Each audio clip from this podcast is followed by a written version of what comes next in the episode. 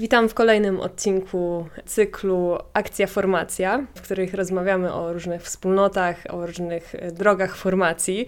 Dzisiaj jest ze mną w studiu Janek Odyniec, członek 15 Wspólnoty Neokatechumenalnej Parafii Świętego Augustyna w Warszawie. Cześć, dzień dobry. No i dzisiaj właśnie, jak już y, można się domyślić, porozmawiamy o tej drodze, o neokatechumenacie. Właściwie jak ja to powinnam prawidłowo nazywać, powiedz mi. Neokatechumenat jest w porządku. Droga neokatechumenalna to jest taka bardziej formalna nazwa. Tak jest nazwana ta formacja w statucie. To jest tak się upa uparli formatorzy, inicjatorzy drogi neokatechumenalnej, że to nie jest stricte ruch, to nie jest stricte y, stowarzyszenie czy, czy organizacja, tylko to jest droga, która polega na tym, że po prostu idziesz. Myślę, że dużo się słyszy o neokatechumenacie. Każdy gdzieś tam coś słyszał. Nie, myślę, że nie każdy wie, z czym to się je i na czym to polega. Więc chciałabym, żebyśmy na początku naszej rozmowy, jakbyś mógł nam trochę przybliżyć w ogóle, skąd się wziął, skąd się droga wzięła, jak powstała. Znaczy, ja mam problem z tym stwierdzeniem, że dużo się słyszy, bo ja jestem w bańce, w której dużo się o tym słyszy, a wcale nie wiem, jak to wygląda y, jakby poza tą bańką. Droga neokatechumenalna jest y, rzeczywistością powstałą w Hiszpanii. Tam y, została zainicjowana przez y, Kiko Arguello, hiszpańskiego malarza, artystę, który w pewnym momencie przeżywał poważny kryzys egzystencjalny, bo to nie tylko stricte kryzys wiary, ale w ogóle poważny kryzys taki życiowy. I wyniósł się ze swojego domu dość bogatego, w którym mu się dobrze wiodło, z gitarą i pismem świętym. I to jest wszystko, co miał ze sobą. I wyniósł się do y, podmadryckich slumsów, y, dzielnicy, która nazywała się Palomeras Altas, a dziś już nie istnieje. I tam sam sobie jakoś ogarnął jakiś barak, sam sobie w nim wstawił drzwi, sam sobie pomalował w środku ściany swoimi obrazami i zamieszkał wśród biedoty podmadryckiej. To ładnie to powiedzieć wśród biedoty, no ale to byli ludzie wykluczeni, ludzie odrzuceni społecznie całkowicie. Tam byli ludzie biedni, ale tam byli ludzie bezdomni i tam byli ludzie, którzy są przestępcami, którzy by, byli przestępcami, którzy byli tak kobiety, które były prostytutkami, mężczyźni, którzy nie wiem, yy, kradli i, i, yy, i pili. I Kiko w tych okolicznościach ten swój kryzys przeżywał, a potem w pewnym momencie tym ludziom zaczął głosić y, Ewangelię, zaczął im opowiadać o, y, o Panu Jezusie. Y, w jakiś sposób ich to pociągnęło, z jakichś przyczyn to, co on mówił, to w jaki sposób on mówił, sprawiło, że oni chcieli o tym słuchać i chcieli tego doświadczyć. A ponieważ mieli doświadczenie tego, że w kościele są odrzuceni, w kościele, w świecie, na ulicy są odrzuceni, ludzie się od nich odsuwają, a nie, a nie chcą z nimi e, przebywać, w związku z czym w tym miejscu po raz pierwszy nie byli odrzuceni. Byli między swoimi, z jednej strony wiedzieli o sobie wszystko, więc nie było między nimi żadnych tajemnic, nie było podejrzeń, co który, co może myśleć o kim, albo uważać, albo wiedzieć, albo co sam robi, bo wszyscy to wiedzieli po prostu. Więc to jest jedna rzecz. Y, no a druga rzecz to to, że y, oni wreszcie nie byli odrzuceni przez Kościół, przez Boga, przez Jezusa Chrystusa, tylko wręcz przeciwnie. Wreszcie mogli Y, mogli się z nim spotkać. No i to doświadczenie było tak duże, tak potężne, że wśród nich powstały pierwsze wspólnoty. Tym się zainteresowali y, lokalni kapłani, lokalni biskupi, arcybiskup Madrytu. No i tym się też zainteresowała taka y, młoda teolog, zresztą również chemiczka z wykształcenia, Carmen Hernandez która y, miała takie bardzo duże, silne poczucie, że ona chciałaby głosić Ewangelię i chciałaby jechać na misję. Weszła do jakiegoś zgromadzenia, ale y, tam y, jej pragnienie nie zostało dostrzeżone i docenione. No i dowiedziała się w jakiś sposób o, o Kiko i o tym, co się dzieje w Palomeras Altas. Spotkała się z Kiko, zachwyciła się tym, ponieważ będąc teologiem, ona znała rzeczywistość Soboru Watykańskiego II i tego, co Sobór Watykański II głosi, nad czym pracuje. I jak zobaczyła te wspólnoty, które się wokół Kiko gromadzą, to zobaczyła w tym y, ducha soboru. Zobaczyła, że tu się dzieje właśnie to soborowe aggiornamento, odnowienie i yy, no i ona y, też y, wniosła do neokatechumenatu y, coś nowego. No, w bardzo dużym stopniu też dopilnowała, żeby neokatechumenat nie przerodził się w sektę wokół Kiko, skupioną wokół Kiko i wielbiącą Kiko zawsze z tym walczyła, przez, przez całe swoje życie z tym walczyła. To jest taka e, rzecz. No bo jak się ma charyzmatycznego lidera, przywódcę, to naprawdę pójście w stronę sekciarstwa jest bardzo proste i to dotyczy naprawdę wszystkich ruchów i rzeczywistości kościelnych i znamy to przecież z rzeczywistości również współczesnej. I ona zawsze z tym walczyła, żeby, żeby droga neokatechumenalna była w kościele i była wierna papieżowi, a nie była na drodze i była wierna Kiko. Do tej dwójki dołączył jeszcze taki zakonnik włoski, ojciec Mario Pezzi, który wystąpił z zakonu, dostał y, zgodę specjalną na to, żeby, żeby móc wyjść z zakonu, pozostając kapłanem i został przez papieża specjalnie skierowany jako inicjator drogi neokatechumenalnej do tej ekipy międzynarodowej. Ten sposób droga się jakby urodziła w Madrycie. Potem stamtąd została przeszczepiona do Rzymu, też właśnie za sprawą y, biskupów y, hiszpańskich, którzy zachęcali Kiko, żeby z tym szedł do papieża. No a już z Włoch rozeszła się po całym świecie. Jest y, naprawdę na całym świecie y, jest tych wspólnot ogromna, ogromna ilość y, w każdym zakątku. Czyli z tego, co mówisz, wynika, że właściwie e, neokatechumenat powstał jako typowo świecka e, inicjatywa. No tak, myślę, że tak i to jest też y, pewna wyjątkowość neokatechumenatu.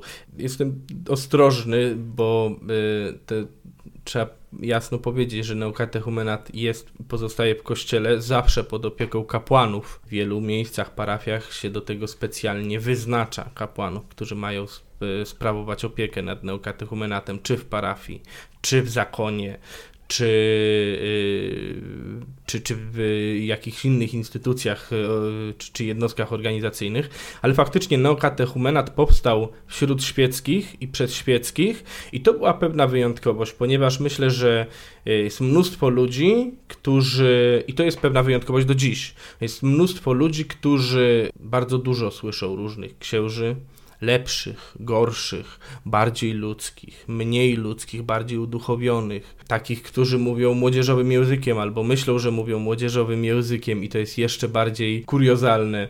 E, takich, którzy wiedzą, że nie mają co się silić na młodzieżowy język, więc e, są jeszcze bardziej, e, w cudzysłowie, kościółkowi, ale tych księży, inicjatorów różnych ruchów, liderów znamy mnóstwo, a czegoś takiego, żeby przyszedł do mnie świecki, i powiedział mi, że Bóg mnie kocha, to to się niewielu osobom mieści w głowie. To nie, nie wszyscy się czegoś takiego spodziewają, a faktycznie w neukatechumenacie, neukatechumenat taki miał swój początek, że do tych ludzi naprawdę porzuconych przez wszystkich i odrzuconych przez wszystkich przyszedł ktoś świecki, wcale nie bardzo y, świątobliwy. Y, jak popatrzeć na zdjęcia Kiko z lat 60. czy 70., to taki no, y, y, hippie z pełną parą, pełną piersią. E, I powiedział im, że Bóg ich kocha. I powiedział im to, bo to takie zdanie jest też brzmi trochę jak wytrych, ale on im to powiedział w taki sposób, że w to uwierzyli.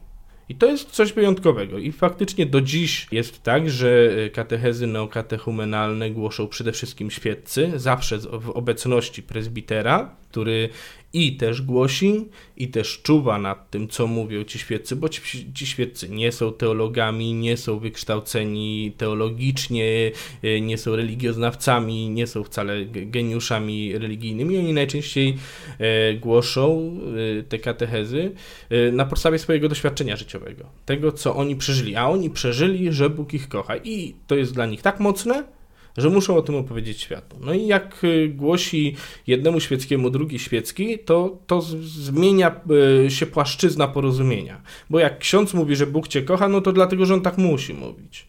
A jak świecki mówi, że Bóg cię kocha i mówi tak po prostu, bez powodu, na ulicy na przykład spotkany, no to w tym momencie zaczyna się rodzić pytanie, dlaczego on tak mówi? Co nim kieruje, że on tak mówi? No i to jest taka faktycznie wyjątkowa, szczególna sytuacja, jeśli chodzi o katechumenat. Jak mówimy o drodze, to jak szukamy w ogóle informacji o neokatechumenacie, dowiadujemy się, że e, są to pewne stopnie, jest to pewien proces formacyjny. Nie jest to, że e, znaczy właściwie jest, e, przychodzisz i zaczynasz należeć, musi być to twoja wola, ale są to też pewne stopnie, które osiągasz tam w swoim rozwoju. Neokatechumenat jest bardzo niesformalizowaną y, rzeczywistością. Nie ma instytucjonalnych organów, nie jest stowarzyszeniem. Na tym Kiko bardzo zależało, żeby to nie było stowarzyszenie, żeby to nie wchodziło y, w postać zakonu czy, czy innego stowarzyszenia, jakiegoś życia y, konsekrowanego, bo jemu zależało na tym, żeby to były wspólnoty parafialne będące w parafii, ożywiające życie parafii, na samym samiusieńkim dole y, kościoła, tak? Y, tam, gdzie jest y, każdy człowiek, bo każdy człowiek nie jest w zakonie, nie jest w stowarzyszeniu. Zresztą jak słyszy, że prawda, gdzieś do zakonu można wejść, no to nie wchodzi tam co drugi, tylko raczej wchodzi tam wąska garstka, tak? A tutaj koncepcja była taka, żeby do każdego człowieka, który jest członkiem parafii, a każdy człowiek, no, Kiko myślał pewnie w perspektywie hiszpańskiej, potem włoskiej, my też myślimy w polskiej, każdy człowiek jest członkiem jakiejś parafii. Myślę, że y, w krajach misyjnych to wcale takie oczywiste być nie musi, no ale na tej, na tej naszej płaszczyźnie y, y, europo-zachodniej spójrzmy na to w ten sposób, tak? I do tego człowieka, żeby jakoś dojść. Więc po pierwsze to jest bardzo niesformalizowane, bo te wspólnoty nie mają zapisów, nie mają składek członkowskich, nie, nie, nie wykreśla się z listy człowieka nieaktywnego przez y, półtora roku y, po, po przekroczeniu tam, prawda, 16-18 miesiąca czy kiedyś tam. Ja, y, będąc we wspólnocie, mam jakąś tam listę osób, z którymi jesteśmy we wspólnocie, ale to jest lista kontaktów po to, żeby móc się do każdego dodzwonić. To nie jest y, lista formalna. I faktycznie jest to y, taka formacja bardzo niesformalizowana instytucjonalnie, jednak y, to życie wspólnotowe w pewnym momencie zaczyna przejmować Y, życie, dominować w życiu człowieka. Po prostu jak spotykasz się z kimś dwa razy w tygodniu, a y, tak wygląda formacja drogi neokatechumenalnej w tej podstawie, no to zaczynasz y, tego kogoś najpierw, najpierw rozpoznawać, potem lubić,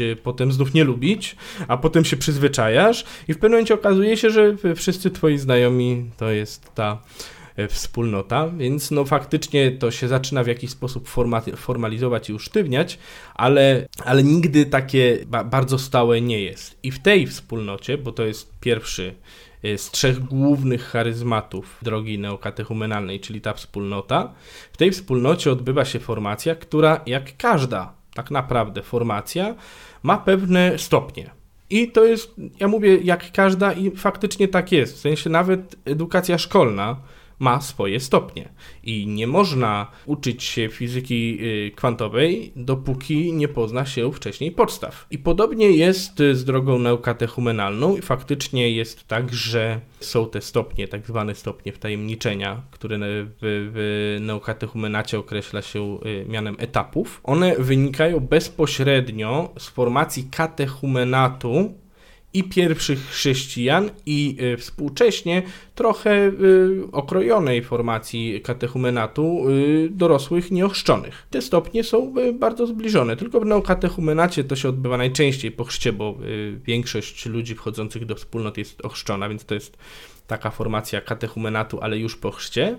No i najczęściej przez wiele, wiele lat, bo tak naprawdę, żeby stać się prawdziwym chrześcijaninem, chrześcijaninem, który potrafi oddać życie za wiarę, to potrzeba wielu lat. Zwłaszcza, że świat y, się zmienia i może kiedyś y, pierwszym chrześcijanom było y, łatwiej stać się chrześcijaninem w ciągu kilku lat, a dzisiaj my dużo bardziej kochamy pieniądze i wszystko, co posiadamy, niż, niż Pana Boga. W związku z czym, żeby stać się tym chrześcijaninem potrzeba wielu osobom bardzo wielu lat. Te etapy następują po sobie e, w określonej kolejności, to też jest zapisane w dokumentach watykańskich, które zostały zatwierdzone przy zatwierdzaniu drogi. I jest taka zasada, że o tych rzeczach, y, które się pojawiają na tych etapach, nie mówi się y, na głos. Ta zasada nie wynika z jakiejś, y, jakiegoś magicznego owiania tego tajemnicą i sekretem, żeby ciągnąć ludzi do jakiejś sekty i oni nawet nie wiedzą, w którym momencie stali się jej członkiem, tylko y, wracam znów do przykładu z y, szkołą. Nie mówi się uczniowi gimnazjum o fizyce kwantowej. Dziś już nie ma gimnazjów. Nie, uczy się, nie, nie mówi się uczniowi y, siódmej i ósmej klasy o fizyce kwantowej, bo nie zrozumie. Bo to będzie dla niego y, czarna magia, to będzie śmiesznie brzmiało. I y, o pewnych rzeczach się faktycznie nie mówi, o późniejszych etapach, o, o tych y, elementach, y, późniejszych etapach nie mówi się na wcześniejszych etapach, nie dlatego, że są, y, że to jest zakazane, tylko dlatego, żeby też osób nie zniechęcić, żeby nie przeinaczyć, nie powiedzieć czegoś, na co być może nie są przygotowani również formacyjnie bo każdy z różnych elementów związanych z etapami jest poprzedzony odpowiednią katechezą, ale też latami drogi. Dziękuję Ci tutaj za wyjaśnienie tego i za w ogóle opowieść, jak działa neokatechumenat, jak tu e, wszystko wygląda właśnie dla takich osób, które często słyszały, ale nie do końca wiedzą, e, czym to jest.